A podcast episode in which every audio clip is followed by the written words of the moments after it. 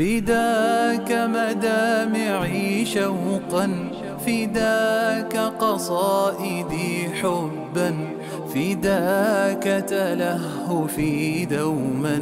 لوجهك يا رسول الله أفكر منذ مبعثك فقد أحببت أمتك وقد أديت واجبك. بصدق يا رسول الله. فداك مدامعي شوقا فداك قصائدي حبا فداك تلهفي دوما. لوجهك يا رسول الله. أهلا وسهلا بكم في الحلقة الأخيرة من منهاج الحياة. لسيرة النبي صلى الله عليه وسلم. توقف زميلي عبد الرحمن. حينما كان وداع النبي صلى الله عليه وسلم للدنيا كلها لأسامة واقترب الموعد المرير. فهل ستحتمله القلوب؟ هل سيقوى عليه قلب فاطمة وعائشة وبقية أمهات المؤمنين؟ ذات يوم كانت عائشة تشتكي رأسها. فقالت ورأساه ورأساه فقال رسول الله صلى الله عليه وسلم ذلك لو كان وأنا حي فأستغفر لك وأدعو لك. فقالت عائشة واكيلاه وإني لأظنك تحب موتي. ولو كان ذلك لظللت آخر يومك معرسا ببعض أزواجك. فقال النبي صلى الله عليه وسلم بل أنا وراساه لقد هممت أو أردت أن أرسل إلى أبي بكر وابنه فأعهد إليه أن يقول القائلون أو يتمنى المتمنون. ثم قلت يا أبي والله يدفع المؤمنون.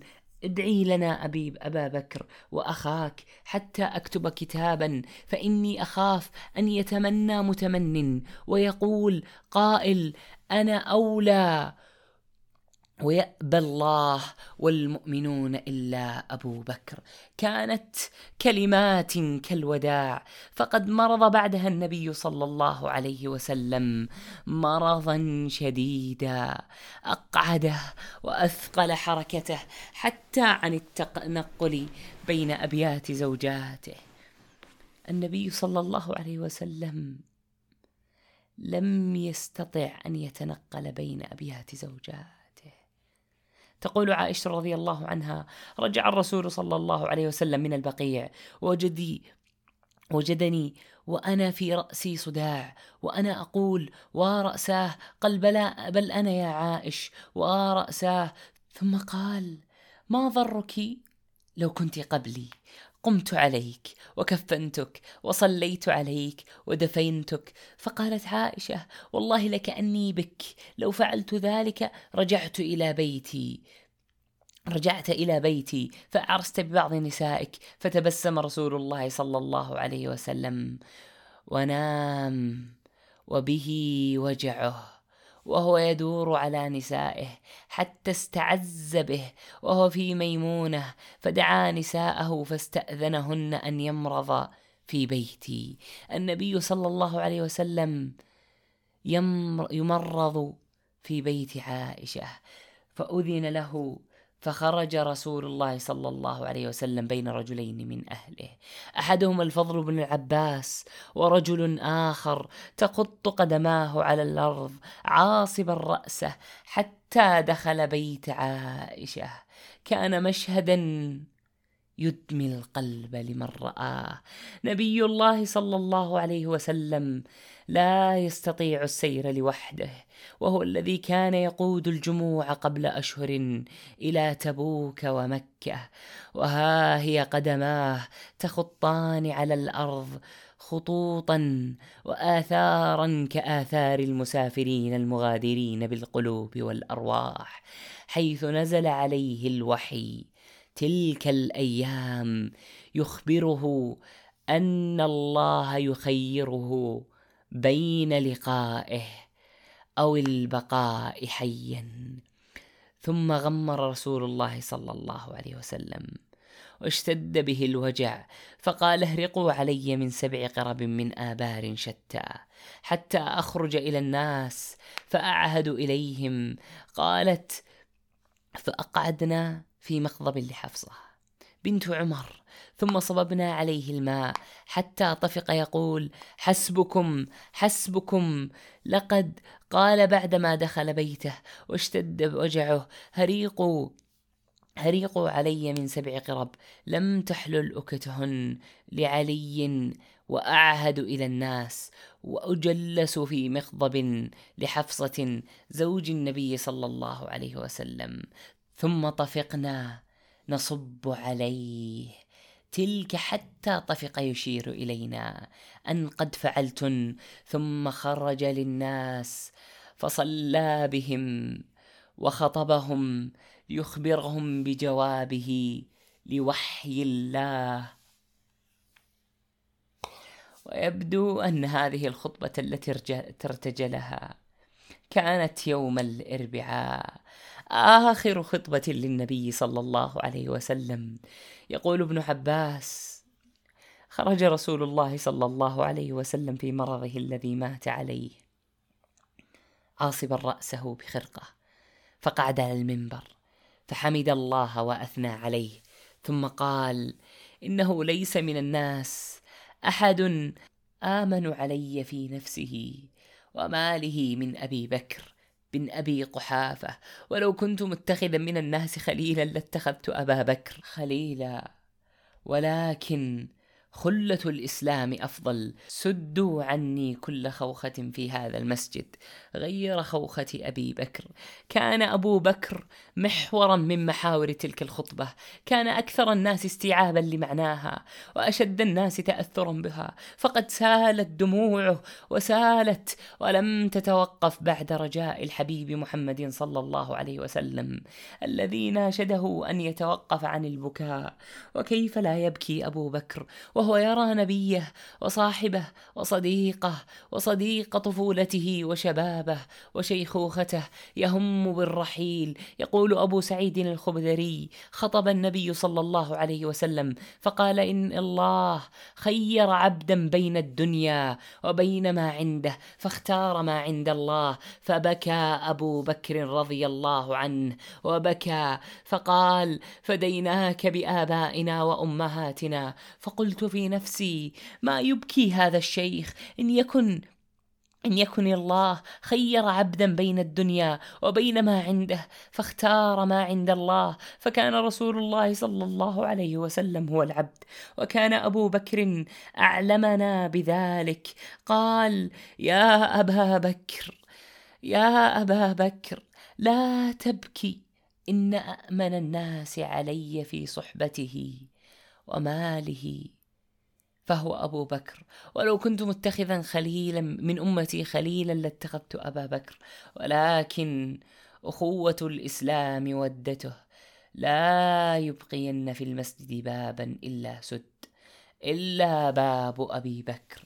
وقد جلس على المنبر لشدة مرضه وكان عليه لحاف متعطف به على منكبيه وعليه عصابة على رأسه حتى جلس على المنبر وحمد الله وأثنى عليه. ثم قال أما بعد أيها الناس فإن الناس يكثرون. وتقل الأنصار حتى يكونون كالملح في الطعام. فمن ولي منكم أمرا يضر فيه أحدا أو ينفعه فليقبل من محسنه وليتجاوز عن مسيئه. كان رسول الله صلى الله عليه وسلم يخطف يخطب رحمة ورأفة من أمته. من أن تمزقهم الخلافات بعد رحيله بعد هذا الحب الغامر والأخوة الحانية بعد هذه الفتوحات بعد علو التوحيد وأهله ونظافة الجزيرة من الأصنام والأوثان والجاهلية كان يخطب امتنانا لمن آزروه وعاضدوه في مسيره الطويل المضني. كان يخطب مؤكدا أن العواطف نحوه ستتأجج وتجمح بعد رحيله ولا بد للعواطف من سياج وإلا كبحت أهلها وساقتهم بعيدا عن التوحيد والهدى. يقول أحد الصحابة سمعت النبي صلى الله عليه وسلم قبل أن يموت بخمس. وهو يقول إني أبرأ إلى الله أن يكون لي منكم خليل فإن الله تعالى قد اتخذني خليلا كما اتخذ إبراهيم خليلا. ولو كنت متخذا خليلا من أمتي لاتخذت أبا بكر. ألا وإن من كان قبلكم كان يتخذون من قبور أنبيائهم وصالحيهم مساجدا. ألا فلا تتخذوا القبور مساجد. وإني أنهاكم عن ذلك. ثم نهض النبي صلى الله عليه وسلم نحو بيت عائشة الملاصق للمسجد ليمكث فيه ما تبقى من عمره وكان الصحابة رضوان الله عليهم يقومون بعيادته والإطمئنان على حاله. أحدهم عبد الله بن مسعود يقول دخلت على النبي صلى الله عليه وسلم وهو يوعك فقلت يا رسول الله إنك لتوعك وعكا شديدا. قال أجل إني لأوعك كما يوعك الرجلان منكم. قلت ذلك بأن لك أجرين. قال أجل ذلك كذلك. ما من مسلم يصيبه أذى شوكة إلا فما فوقها إلا كفر الله به سيئاته كما تحط الشجرة أوراقها. النبي صلى الله عليه وسلم يعاني الألم والمعاناة حتى أغمي عليه فاقترح عمه العباس أن يقدم له علاجا يسمونه اللد وهو اللد أن يسقي المريض دواء من أحد شقي الفم مما جعل النبي صلى الله عليه وسلم يعاقب من قام بذلك. بعقاب بعد بعقاب ظريف بعد أن أفاق. تقول عائشة رضي الله عنها ثم نزل رسول الله صلى الله عليه وسلم فدخل في بيته وتمتم به وجعله حتى غمر واجتمع عنده نساء من نسائه أم سلمة وميمونة ونساء من نساء المؤمنين منهم أسماء بنت عميس وعنده عمه العباس وأجمعوا أن يقدموا له العلاج. فلما قام رسول الله صلى الله عليه وسلم قال من صنع بي هذا؟ قالوا يا رسول الله عمك العباس. قال هذا دواء أتى به نساء من نحو هذه الأرض وأشار بيده نحو الحبشة. قال ولم فعلتم ذلك؟ فقال العباس خشينا يا رسول الله أن يكب أن يكن بك وجع ذات الجنب. فقال اذا ذلك لداء ذلك لداء. ما كان الله ليعذبني به لا يبقي في البيت أحد إلا لد إلا عمي. فلقد لدت لدة ميمونة وإنها لصائمة. لقسم رسول لقسم رسول الله صلى الله عليه وسلم عقوبة لهم. بما صنعوا. وكأن رسول الله صلى الله عليه وسلم يذكر لعائشة شيئا محددا من الألم الذي الذي كان يشعر به. كان يشعر بآلام سم اليهودية. سم اليهودية أتذكرونه؟ نبينا صلى الله عليه وسلم يشكو إلى عائشة ذلك الألم. وجاء يوم الخميس. ويقول ابن عباس يوم الخميس. وما يوم الخميس ثم بكى حتى خضب دموعه الحصباء. فقال اشتد برسول الله صلى الله عليه وسلم يوم الخميس الألم هو يوم الخميس وجعه. اشتد. فقال ائتوني بكتاب أكتب لكم لن تضلوا بعده أبدا فتنازعوا. ولا ينبغي عند نبي تنازع. فقال عمر إن رسول الله صلى الله عليه وسلم قد غلب عليه الوجع. وعندكم القرآن. حسبنا كتاب الله. فاختلف أهل البيت. فاختصموا. فمنهم من يقول قربوا. يكتب لكم رسول الله صلى الله عليه وسلم كتابا. لن تضلوا بعده. ومنهم من يقول ما قال عمر. فلما أكثروا اللغو أكثروا اللغو على رسول الله الله صلى الله عليه وسلم. قال رسول الله قوموا. فقالوا هجر رسول الله صلى الله عليه وسلم. قال دعوني فالذي أنا فيه خير مما تدعونني إليه وأوصى عند موته ثلاثا اخرجوا المشركين من جزيرة الجزيرة العرب واجزوا الوفود بنحو ما كنت أجزيهم ونسيت الثالثة ونسيت الثالثة. النبي صلى الله عليه وسلم يشتد به الألم. والنبي صلى الله عليه وسلم لا يستطيع لا يستطيع أن يصلي بالناس. ها هو يرسل رسولا إلى أبي بكر يأمره أن يصلي عوضا عنه بالناس فقال الرسول يأمرك أن تصلي بالناس. فقال أبو بكر وكان رجلا رقيقا يا عمر صل بالناس. فقال له عمر أنت أحق بذلك؟ فصلى أبو بكر. كانت ليلة ثقيلة على سماء المدينة وأهلها. ليلة تختنق صدورهم بالهموم والتفكير بنبيهم. لكن لعل هذا الفجر يحمل فرجا وجاء الفجر ولم يستطع النبي صلى الله عليه وسلم النهوض. وأبو بكر يصلي مرة أخرى فجر الجمعة بالمؤمنين. وحان وقت صلاة الجمعة فجاء المؤمنون من كل المدينة وعاد أسامة بن زيد ومعه الجيش إلى المدينة. عاد أسامة وأجل السفر فلعلهم يحظون بخطبة النبي صلى الله عليه وسلم والصلاة خلفه لكن لم يحدث من ذلك شيء وخرج أبو بكر على المنبر وارتقى وخطب بالناس. فلا أدري أي شعور كان يخالج الناس ويخالج أبا بكر. نبيهم طريح الفراش خلف, تل خلف تلك الستائر الصغيرة. لا يستطيع الحراك مما ألم به. لا بد أن دموعا غزيرة سالت وسالت وشهقات علت ونحيبا طال بين الرجال والنساء. نحيب على ذلك النبي.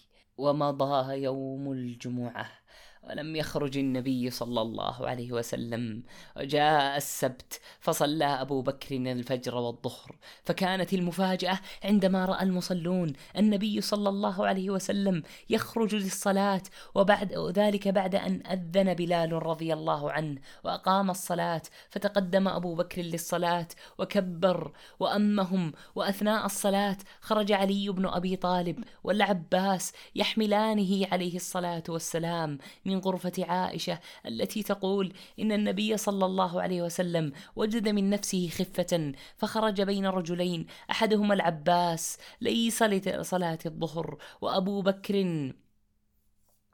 أحدهما العباس لصلاة الظهر وأبو بكر يصلي بالناس فلما رآه أبو بكر ذهب ليتأخر فأومأ إليه النبي صلى الله عليه وسلم بأن لا يتأخر. قال اجلساني إلى جنبه. فأجلساه إلى جنب أبي بكر فجعل أبو بكر يصلي وهو يأتم بصلاة النبي صلى الله عليه وسلم. والناس تأتم بصلاة أبي بكر والنبي صلى الله عليه وسلم. يصلي. فتحول المسجد إلى ساحة من البهجة والسعادة التي لم تدم. فقد أدخل عليه صلى الله عليه وسلم إلى بيت عائشة من جديد. يقول أنس رضي الله عنه إن رسول الله صلى الله عليه وسلم صلى خلف أبا بكر في ثوب واحد مخالفا بين طرفيه فلما أراد أن يقوم قال ادعوا لي أسامة بن زيد. فجاء فأسند ظهره إلى نحره حيث تتفاقم عليه المرض وكانت فاطمة عليها السلام وأمهات المؤمنين لم يتوقفن عن زيارته بينما كان الألم لم يتوقف عنه. وبعدما خرج أسامة والعباس رأى العباس بفراسته تقاسيم الموت في وجه النبي صلى الله عليه وسلم. ولما خرجا من عنده قال الناس يا أبا الحسن يا أبا الحسن كيف رسول الله؟ كيف رسول الله؟ قال أصبح بحمد الله بارئا. فأخذ بيده عباس بن عبد المطلب فقلت فقال له أنت والله بعد ثلاث بعد ثلاث عبد العصا وإن الله لأرى رسول الله وإني والله لأرى رسول الله صلى الله عليه وسلم سوف يتوفى من وجعه هذا. إني لأعرف وجوه بني عبد المطلب عند الموت. العباس يعرف وجوه قومه ولكن العباس أهمه أمر. يريد معرفة من يخلف بعد النبي صلى الله عليه وسلم. لكن عليا كان أبعد نظرا لأن الخلافة ليست منحة منه عليه الصلاة والسلام. وقد تحدث عليه الصلاة والسلام بكلام خطير ودقيق وهام عن الخلافة وعن الصفات التي لا بد أن تتوفر في الخلفاء وما يحل للخليفة وما لا يحل وعن أنه لا يعطى الإمارة من سألها وأشياء كثيرة. بينما لم يتحدث عن شخص بعينه. العباس يريد معرفة شيء لكن هنالك ميزات. إذا جمعت برز صاحبها كما برز أبو بكر الذي عينه صلى الله عليه وسلم للصلاة دون أن يسعى للإمامة أو يقدم بطلبها. النبي صلى الله عليه وسلم هو الذي اختاره. وعينه ولكن ها هو صلى الله عليه وسلم. تزيد به الأوجاع وتنشغل بجسده. كان مشغولا بأمته خالفا خائفا عليها. أن تضل كما ضلت اليهود والنصارى. تقول عائشة رضي الله عنها لما نزل رسول الله صلى الله عليه وسلم طفق يطرح خميصة له على وجهه فإذا اغتم بها كشفها عن وجهه قال هو كذلك لعنة الله على اليهود والنصارى اتخذوا قبور أنبياءهم مساجد يحذر مما صنعوا يحذر مما صنعوا يحذر أن تزيد العاطفة وتجيش المشاعر فتطيش بدعا وخرافات ومزارات وزخارف حتى يتحول من حتى يتحول من مجرد قبر إلى وثن يطاف عنده. وصل أبو بكر وصلى بالناس العصر والمغرب والعشاء والفجر والناس يترددون في يترددون في المسجد وفي الطرقات وفي الأسواق فلا يروا حبيبهم ونبيهم فيزداد شوقهم وحزنهم حتى حتى جاء يوم الأحد وتوالى الزائرون من أهل بيت النبي صلى الله عليه وسلم وغيرهم. كانت فاطمة عليها السلام في طريقها إلى هناك تنظر إلى هذا الأب الحاني فتبكي وتتأثر لما هو فيه من الكرب فيناديها ليخفف عنها ما بها من حزن فيهمس في إذنها فتبكي ثم يهمس في أذنها الأخرى.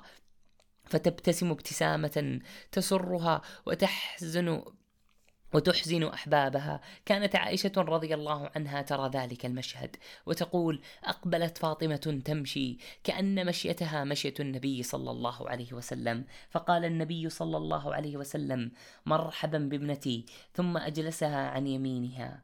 عن يمينه أو عن شماله ثم أسر إليها حديثا فبكت. فقلت لها مما تبكين؟ ثم أسر إليها حديثا فضحكت. فقلت ما رأيت كاليوم فرحا أقرب من حزن. فسألتها عما قال لها فقالت ما كنت لأفشي سرا للنبي صلى الله عليه وسلم حتى قبض عليه الصلاة والسلام. فسألتها فقالت أسر إلي أن جبريلا كان يعرض علي أن جبريل كان يعرض عليه القرآن كل سنة مرة وأنه عرضه عليه هذا العام مرتين ولا أراه إلا حضر أجلي وإنك أهل بيتي لحاقا بي فبكيت. فقال أمار ترضين أن تكونين سيدة نساء أهل الجنة أو نساء المؤمنين؟ فضحكت.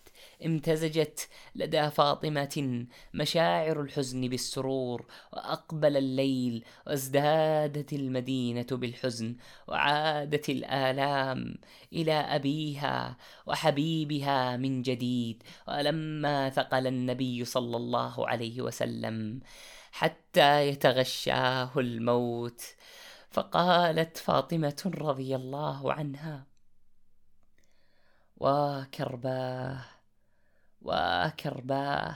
فقال لها ليس على أبيك كرب بعد اليوم. ودخل فجر يوم الاثنين وصلى أبو بكر بالمؤمنين الفجر فحدث شيء مفرح.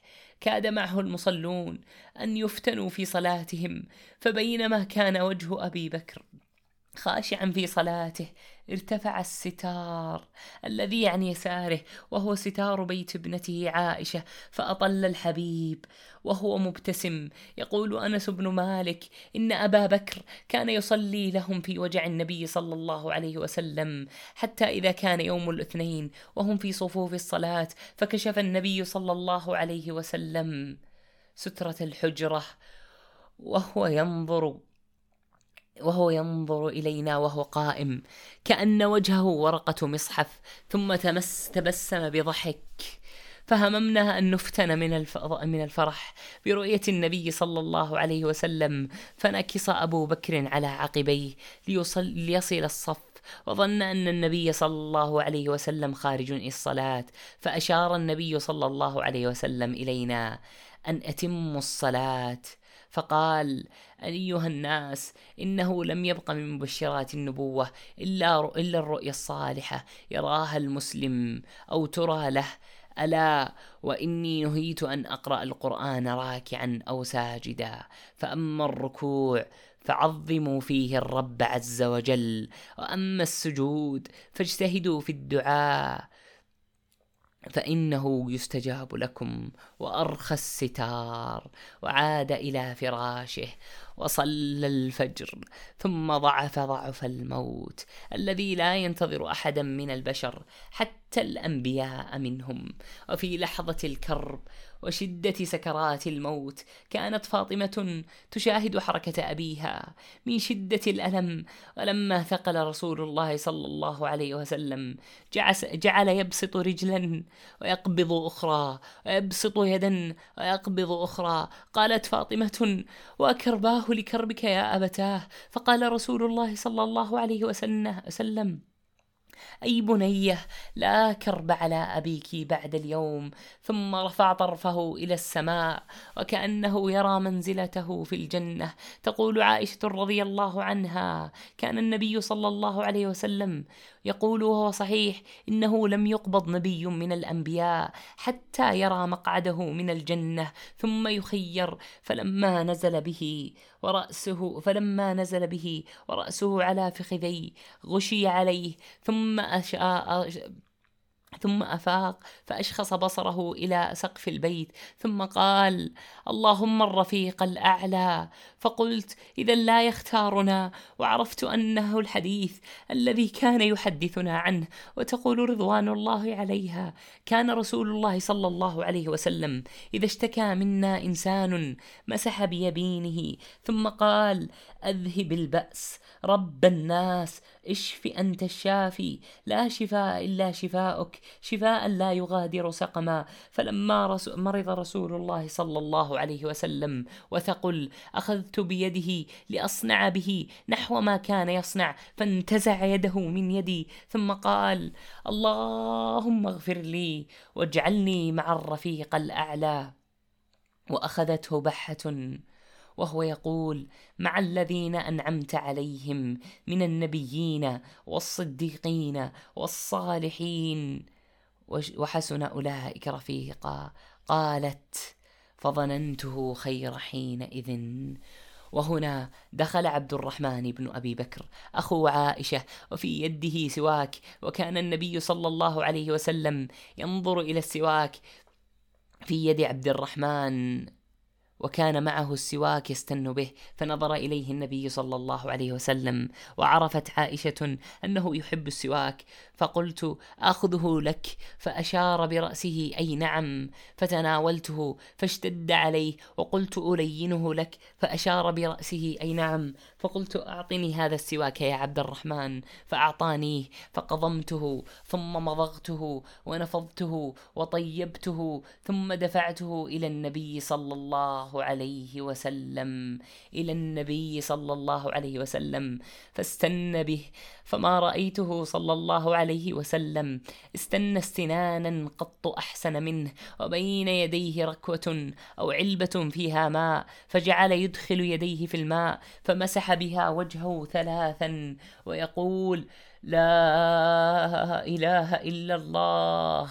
إن للموت لسكرات. فما عدا أن فرغ رسول الله صلى الله عليه وسلم رفع يده أو إصبعه ثم قال في الرفيق الأعلى في الرفيق الأعلى في الرفيق الأعلى. ثم قضى.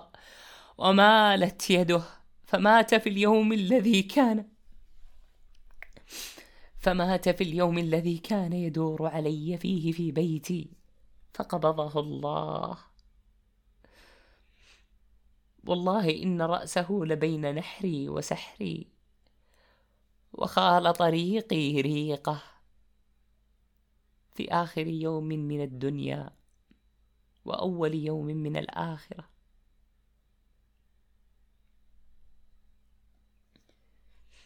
فلما خرجت نفسه لما أجد ريحا قط أطيب منها عندها بكت فاطمة والدها بحرقة بكته بقلبها ودموعها. يا أبتاه أجب ربا دعاه. يا أبتاه من جنة الفردوس مأواه. يا أبتاه إلى جبريل ننعاه. يا أبتاه إلى جبريل ننعاه. أما عائشة الشابة الثكلى ها هي تبكيه. هي وأمهات المسلمين وبكت النساء كلهم وبكى الرجال كلهم ولم يبكي عمر بن الخطاب بل قام يخطب غاضبا في من حوله مهددا يقول أن رسول الله صل من قال أن رسول الله صلى الله عليه وسلم قد مات فطلبوا من رجل من أهل الصفة اسمه عبد الله بن عباد أن ينادي أبا بكر فقد اشتد غضب عمر حتى لقد قال من شدة صدمته لا يتكلم أحد بموته إلا ضربته بسيفي هذا فسكتوا وكانوا قوما أميين لم يكن فيها نبي قبله فقالوا يا سالم اذهب إلى صاحب النبي صلى الله عليه وسلم فادعه. يقول سالم فخرجت أبكي فخرجت فوجدت أبا بكر قائما في المسجد. فقال أبو بكر مات رسول الله مات رسول الله. فقلت إن عمر يقول لا يتكلم أحد بموته إلا ضربته بسيفي هذا فوضع يده على ساعدي ساعدي ثم أقبل يمشي حتى دخل حتى دخل فوسعوا له حتى أتى النبي صلى الله عليه وسلم فأكب عليه حتى كاد أن يمس وجهه وجه النبي صلى الله عليه وسلم حتى استبان له أن قد مات. فقال أبو بكر إنك ميت وإنهم ميتون. وصل أبو بكر من بيته الذي يقع في شرق المدينة يقال له النسح. أقبل على فرس من مسكنه بالسنح حتى نزل حتى نزل. فدخل فدخل المسجد فلم يكلم الناس حتى دخل على عائشة. فتيمم رسول الله صلى الله عليه وسلم وهو مغشي بثوب فكشف عن وجهه ثم أكب عليه فقبله وبكى ثم قال بأبي أنت وأمي والله لا يجمع والله لا يجمع الله عليك موتتين. أما الموتة التي كتبت عليك فقد متها ثم خرج إلى هذه الجموع المفجوعة إلى نبي بنبيها. فشاهد عمرا يهدد من يقول أنه مات ويهدد المنافقين بأن النبي صلى الله عليه وسلم. سوف يعود ليمزقهم. فرجع بعضهم عن النفاق. لكن كلمات عمر كانت كلمات مفجوع مصدوم. لا يدري ما يخرج في رأسه. كان ظرفا. ليس له سوى أقرب الناس من النبي صلى الله عليه وسلم وأكثرهم صحبة له. خرج أبو بكر بهدوئه المعروف ليزيل عن العقول كلمات عمر وتخاريف الفاجعة. أخذ الأمة مما هي فيه إلى كتاب الله ففاقت العقول ورضيت بقضاء الله. لم ينههم عن الحزن والبكاء ولكن نهاهم عن الاستسلام للعواطف وللانجراف في تيارها. فيهلكون كما هلكت الأمم السابقه فما هي خطبة عمر؟ تقول عائشة رضي الله عنه والله ما مات رسول الله صلى الله عليه وسلم ليبعثنه الله فليقطعن أيدي رجال وأرجلهم. فجاء أبو بكر فكشف عن رسول الله صلى الله عليه وسلم فقبله فقال بأبي أنت وأمي. طبت حيا وميتا والذي نفسه بيده لا يذيقك الله الموت موتتين. ثم خرج فقال أيها الحالف على رسلك. خرج وعمر رضي الله عنه يكلم الناس فقال اجلس اجلس. فأبى فأبى. ثم ثم قام عمر ثم قام أبو بكر فتشهد. فمال إليه الناس وتركوا عمر. فلما تكلم أبو بكر جلس عمر فحمد الله أبا بكر وأثنى عليه وقال ألا من كان يعبد محمدا فإن محمدا قد مات. ومن كان يعبد الله فإن الله حي لا يموت. إنك ميت. وإنهم ميتون. ثم قرأ وما محمد الا رسول قد خلت من قبله الرسل افان مات أو قتل انقلبتم على اعقابكم ومن ينقلب على عقبيه فلن يضر الله شيئا وسيجزي الله الشاكرين فنشج الناس يبكون بكاء المفجوع الذي ادرك الحقيقة ومرارتها وأفاق مما هو فيه من صدمة. كان ابن عباس هنالك واصفا حال الصحابة بعد خطبة أبي بكر. والله لكأن الناس لم يعلموا أن الله أنزل هذه الآية حتى تلاها أبو بكر فتلقاها الناس كلهم فلما فلما سمع البشر يتلون هذه الآيات. كان أبو بكر رضي الله عنه رجل المهمات الصعبة والأزمات أعاد للأمة صوابها وغيابها. أما عمر رضي الله عنه فكان أكثر المتأثرين بتلك الآيات. وخطبة أبي بكر لدرجة أنه سقط على الأرض من شدة التأثر. يقول رضي الله عنه والله ما إن سمعت أبا بكر تلاها حتى عقرت حتى ما تلقاني رجلاي وحتى هويت إلى الأرض. حين سمعت ما تلاه علمت أن النبي صلى الله عليه وسلم قد مات. النبي انتقل إلى رحمة ربه. شعر بعض رجالات الأنصار بهذا الفراغ بعد النبي بعد موت النبي صلى الله عليه وسلم. فرشحوا سعد بن عبادة لخلافة النبي صلى الله عليه وسلم بينما توجه علي بن أبي طالب والزبير بن العوام حزبين إلى حزينين إلى بيت فاطمة في الوقت الذي كان فيه أبو بكر مشغولا بالأمة والأمة مشغولة بحزن نبيها. لكن أبا بكر يتجدد عظمة في مثل هذه الظروف الحرجة فقد انطلق إلى حيث إخوانه إخوانه الأنصار المجتمعين بعد أن سمع باجتماعهم خشية أن تتفرق الأمة بعد توحيدها وأن تقع فتنة بين الأنصار والمهاجرين الذي التفوا حول أبو بكر رضي الله عنه. ولما وصل أبو بكر وجدهم قد التفوا حول رجل مريض وقد غطوه. كان ذلك الرجل هو الصحابي الجليل سعد بن عبادة وهم يريدون مبايعته بالخلافة لكن عمر رضي الله عنه كان له رأي آخر في ذلك المكان الذي اجتمع فيه الأنصار والمهاجرين والمسلى مسمى بسقيفة بني ساعدة. دعونا نتجه إلى تلك السقيفة لنعرف ما هي ما هي اتفاقهم؟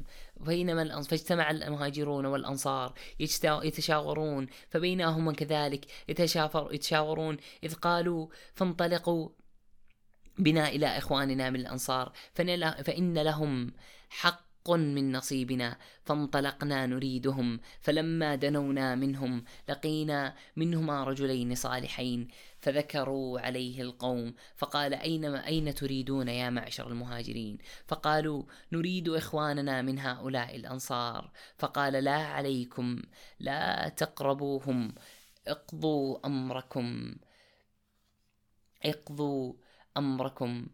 أبو بكر أبو بكر يقول لهم اقضوا أمركم. فقلت يا عبد الله بن عباس يقول والله إنا لنأتينهم فانطلقنا حتى أتيناهم في سقيفة بن ساعدة. فإذا رجل مزمر بين ظهرانيهم فقلت من هذا؟ فقال هذا سعد بن معاذ فقلت ما له؟ قال يوعك. فلما جلسنا قليلا تشهد خطيبهم شهد خطيبهم فأثنى على الله بما هو أهله ثم قال أما بعد فنحن أنصار الله وكتيبة الإسلام وأنتم معاشر المهاجرين رهط وقد دفت دافة من قومكم فإذا هم يريدون أن يختزلونا من أصلنا وأن يحظونا من الأمر فلما سكت أردت أن أتكلم وكنت قد زاورت مقالة أعجبتني.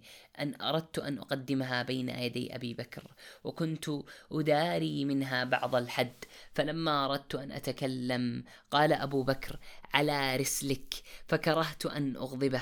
فتكلم فقال أبو بكر فكان هو أحلم مني وأوقر. والله ما ترك من كلمة أعجبتني في تزويري إلا قال في, بدي في, في, في بديهيتها. مثلها أو أفضل منها حتى سكت. فقلت ما ذكرتم فيكم من خير فأنتم له أهله ولن يعرف هذا الأمر إلا لهذا الوحي من قرشي. هم من أوساط العرب. نسبا ودارا وقد رضيت لكم أحد هذين الرجلين فابعثوا أيهما شئتم فأخذوا بيدي وبيد أبي عبيدة بن الجراح وهو جالس بيننا فلما فلم أكره مما قال غيره كان والله أنا أقد أقدم فتضرب عنقي. لا يقربني ذلك من إثمي. أحب إلي من أتأمر على قوم فيهم أبو بكر. أبو عبيدة يتنازل عليها. اللهم إلا أن تسول, تسول لي نفسي عند الموت. شيئا لا أجده لا أجده الآن. فقال قائل من الأنصار أنا جذيلها المحكك وعذيقها المرجب. منا أمير ومنكم أمير يا معشر قريش. فكثر اللغط وارتفعت الأصوات حتى فرقت من الاختلاف. وقال الأنصار منا أمير ومنكم أمير. فأتاهم عمر رضي الله عنه. فقال سيفان في غمد واحد لا يصطلحان. يا معشر الأنصار ألستم تعلمون أن رسول الله صلى الله عليه وسلم قد أمر أبا بكر وأمره أن يؤم بالناس فأيكم تطيب نفسه أن يتقدم أبا بكر؟ فقالت الأنصار نعوذ بالله أن نتقدم على أبي بكر رضي الله عنه. قلت يا معشر الأنصار يا معشر المسلمين إن أولى الناس بأمر النبي صلى الله عليه وسلم ثاني اثنين إذ هما في الغار أبو بكر السباق المتين. من هذا الذي له هذه الثلاث؟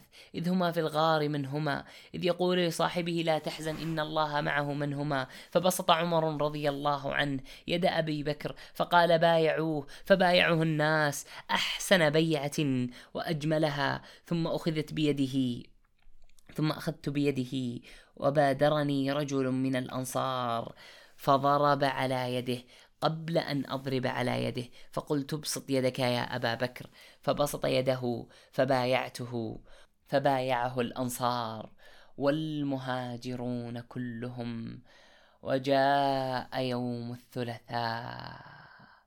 بعد رحيل شمس الاثنين بالفتنة جاء يوم الثلاثاء.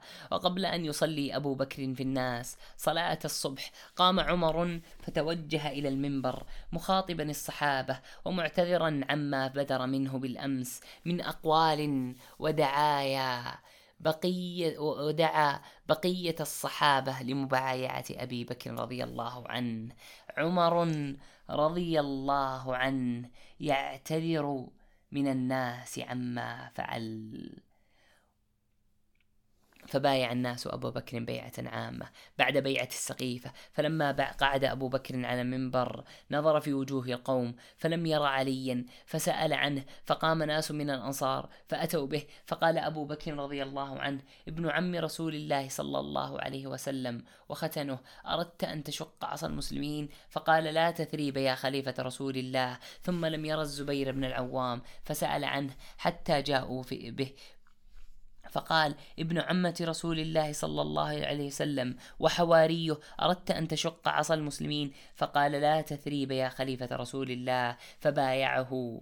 فتكلم أبو بكر فحمد الله وأثنى عليه بالذي هو أهله. فقال أما أيها الناس فإني قد وليت عليكم ولست بخيركم فإن أحسنت فأعينوني وإن أسأت فقيموني الصدق أمانة والكذب خيانة والضعيف فيكم قوي عندي حتى أريح عليه حقه إن شاء الله. والقوي فيكم ضعيف عندي حتى آخذ الحق منه إن شاء الله. لا يدع الحق لا يدع قوم الجهاد في سبيل الله إلا ضربهم الله بالذلة. ولا تشيع الفاحشة في قوم إلا عمهم الله بالبلاء. أطيعوني ما أطعت الله ورسوله.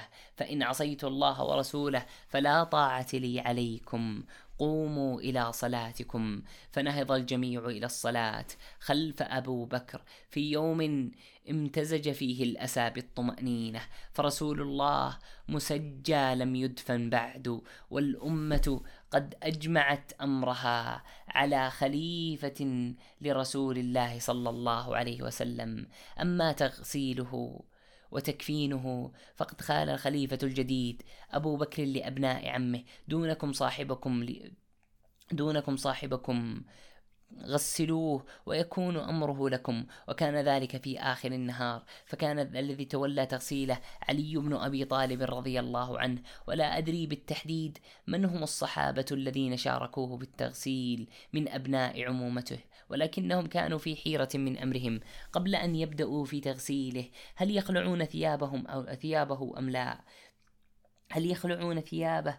وقد كانت هذه الثياب إزار غليظ مما يصنع اليمانيون وكساء من التي يسمونها الملبدة. وعائشة رضي الله عنه تقسم بالله أن النبي صلى الله عليه وسلم قبض في هذين الثوبين وبينهما في حيرتهم بينما هما في حيرتهما نزلت آخر المعجزات عند غسله. تقول عائشة رضي الله عنه لما أرادوا غسله كغسل رسول الله صلى الله عليه وسلم اختلفوا فيه فقالوا ما ندري أنا نجرد رسول الله صلى الله عليه وسلم من ثيابه أم لا؟ كما نجري موتانا ونغسلهم وعليه ثيابهم. نغسلهم وليس عليهم ثيابهم. فلما اختلفوا ألقى الله عليهم النوم حتى ما منهم من رجل إلا بقنه في صدره ثم كلمهم مكلم من ناحية البيت لا يدري من هو أن غسلوا النبي وعليه ثيابه. فقاموا عليه وغسلوه. وعليه ثيابه وبعد أن انتهوا من غسلة ندمت عائشة تقول لو أنني استقبلت من أمري ما استدبرت ما غسله إلا نساؤه. النبي صلى الله عليه وسلم يغسل من علي رضي الله عنه. وقبل وفي آخر غسلة لجسد النبي صلى الله عليه وسلم قام علي بسنة أرشدها إليه عليه قام علي بسنة أرشدها عليه السلام. مما يغسلون الموتى وهي تساعد على نقاء الجسد الميت ونظافته. وقد حضر الصحابي عبد الله بن غفل ذلك العمل فيروي لمن حوله فيقول إذا أنا ما مت فغسلوني واجعلوا في آخر غسلة كافورا. ثم قال فإني رأيت رسول الله صلى الله عليه وسلم. فعل ذلك فعل ذلك به. وبعد أن انتهى علي ومن معه من تغسيله. قام علي بتطيبه. كان عند علي مسك فأوصى أن يحنط. وقال علي رضي الله عنه وفيه فضل حنوط حنوط رسول الله صلى الله عليه وسلم أي باقي المسك الذي طيب به النبي صلى الله عليه وسلم ولما انتهوا من تطييبه قاموا بتكفينه. فجاء عبد الله بن أبي بكر بحلة يمانية غالية اشتراها لكي يكفن فيها النبي صلى الله عليه وسلم. فكفن فيها ثم تشاور الصحابة فحسوا أن الأمر فيه تكلف فنزعوها ثم كفن عليه الصلاة والسلام ثواث بثلاثة أثواب قطنية بسيطة ليس من ضمنها قميص. أو عمامة. هذه كفنه صلى الله عليه وسلم. ولما فرغوا من تكفينه أرادوا الصلاة عليه. وكان الصحابة رضوان الله عليهم. قد سألوا أبو بكر فقالوا يا صاحب النبي صلى الله عليه وسلم هل يصلى على النبي؟ قال نعم وكان بيت النبي صلى الله عليه وسلم ومسجده محاطا بالجموع من الصحابة رجالا ونساء واطفالا ينتظرون الصلاة عليه ولكن بيت عائشة لا يتسع لهم, لهم جميعا فقد قدم جماعة من الصحابة من أطراف المدينة ومن حولها ولا يمكن أن تحرم أن تحرم هذه الجموع تحرم هذه الجموع المفجوعة من الصلاة على نبيها. ثم صلوا على النبي صلى الله عليه وسلم. مجموعات مجموعات دخلوا على النبي صلى الله عليه وسلم ارسالا. أرسالا فتحولت هذه الجموع إلى مجموعات صغيرة ودخلوا بترتيب وسكينة وخشوع. انتهى الرجال. من الصلاة هم والنساء والأطفال على النبي صلى الله عليه وسلم. وإذا الدنيا مساء وإذا الشمس قد غمر قد غربت فلم يجدوا أبا بدءا من بدء من دفنه ليلا في غرفة عائشة رضي الله عنها. ذلك المكان الذي توفي فيه. وقد سألوا أبا بكر فقال فقالوا يا صاحب رسول الله هل يدفن النبي صلى الله عليه وسلم؟ قال نعم يدفن. فقالوا وأين يدفن؟ قال في المكان الذي قبض فيه روحه فإنه لم يقبض روحه إلا في مكان طيبة. وتقول عائشة رضي الله عنها لما مات رسول الله صلى الله عليه وسلم قالوا أين ندفن أب... قالوا أين ندفن يا أبا بكر؟ قال في المكان الذي مات فيه. كان قبر النبي صلى الله عليه وسلم. رجل يلحد فيه وآخر يضرح فقالوا نستخير. نستخير ربنا ونرسل إلى الذي يضرح أو الذي يلحد. فأيهم يسبقنا تركناه؟ فأرسل إليهم فسبق صاحب اللحد فألحدوا له والضريح شق في الأرض أما اللحد فشق كذلك ولكن في أسأله وفي التحديد في الجهة القبلة منه ميل في زاوية القبر يوضع فيه الميت على جنبه الأيمن تجاه القبلة. وكان عدد الذين دخلوا القبر أربعة رجال أو أكثر يقول ابن عباس رضي الله عنه أنه دخل قبر النبي صلى الله عليه وسلم هو وعلي والفضل وأسامة. وقال أحد الصحابة إنهم أدخلوا عبد الرحمن بن عوف فكان أنظر إليهم وكأني أنظر إليهم في القبر وهم أربعة أشخاص. فرشوا على أرض القبر كساء أحمر يسمى قطيفة يقول ابن عباس رضي الله عنه. جعل في قبر رسول الله صلى الله عليه وسلم قطيفة حمراء وبعد أن فرشت تلك القطيفة قال علي رضي الله عنها إنما يلي الرجل أهله. ويبدو أن عبد الرحمن خرج مكسورا من القبر فنزل بدلا منه. قثم ابن عباس رضي الله عنهم جميعا وحانت ساعة الوداع المريرة. حان وضع النبي صلى الله عليه وسلم في قبره فلن تراه العيون بعد اليوم إلا يوم القيامة. حانت ساعة النحيب في ليلة كان السهر والحزن فيها هو الجليس لأهل اليدي المدينة. حمل صلى الله عليه وسلم من فوق السرير فاستلمه علي ومن معه في القبر فأدخلوه في اللحد على جنبه الأيمن باتجاه القبلة. ثم جعلوا الذين ثم جعلوا اللبن منصوبا على اللحد. وبعد أن فعل علي ومن معه ذلك خرجوا ليهلوا التراب على قبله صلى الله عليه وسلم وكان آخر من خرج من القبر ابن عباس. ويقول علي رضي الله عنه أحدث الناس عهدا برسول الله صلى الله عنه قثم قثم ابن عباس. ولكن الصحابة كانوا يراقبون الموقف بالدموع والبكاء.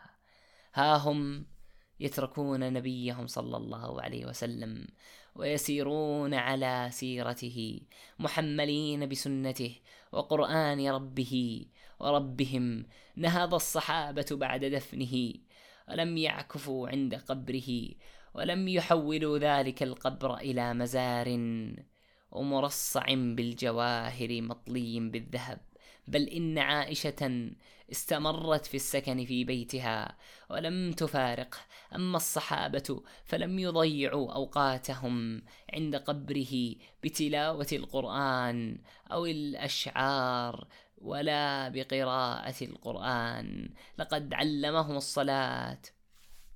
وكيف يستغلون نفس أنفسهم وأوقاتهم وكيف يصنعون الحياة كيف يشرقون كالشمس في عروق المستقبل والأجيال. علمهم صلى الله عليه وسلم فنهضوا من عند قبره فحملوا رسالته إلى العالم لينقذوه بها كما أنقذهم هو من قبل. فصلى الله وسلم على نبينا محمد. وجزاه الله عنا خيرا. ما جزى نبي عن أمته وجمعنا به في جناته. جنات النعيم. ورزقنا وإياكم أن ننظر إلى وجه الله سبحانه وتعالى ونجاور نبينا الكريم اللهم بارك لنا في هذا البرنامج واحفظنا بعينك الذي التي لا تنام. اللهم اكتب لنا الأجر. لا تنسونا أنا وفريق العمل من صالح دعواتكم.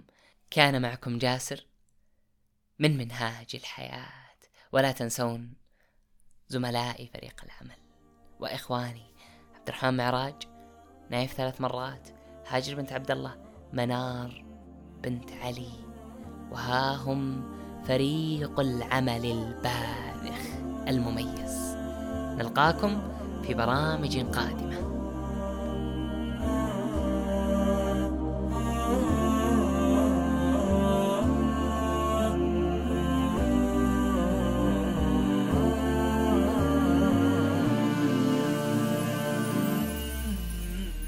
فداك مدامعي شوقا فداك قصائدي حبا فداك تلهفي دوما. لوجهك يا رسول الله أفكر منذ مبعثك فقد أحببت أمتك وقد أديت واجبك. بصدق يا رسول الله. فداك مدامعي شوقا فداك قصائدي حبا فداك تلهفي دوما لوجهك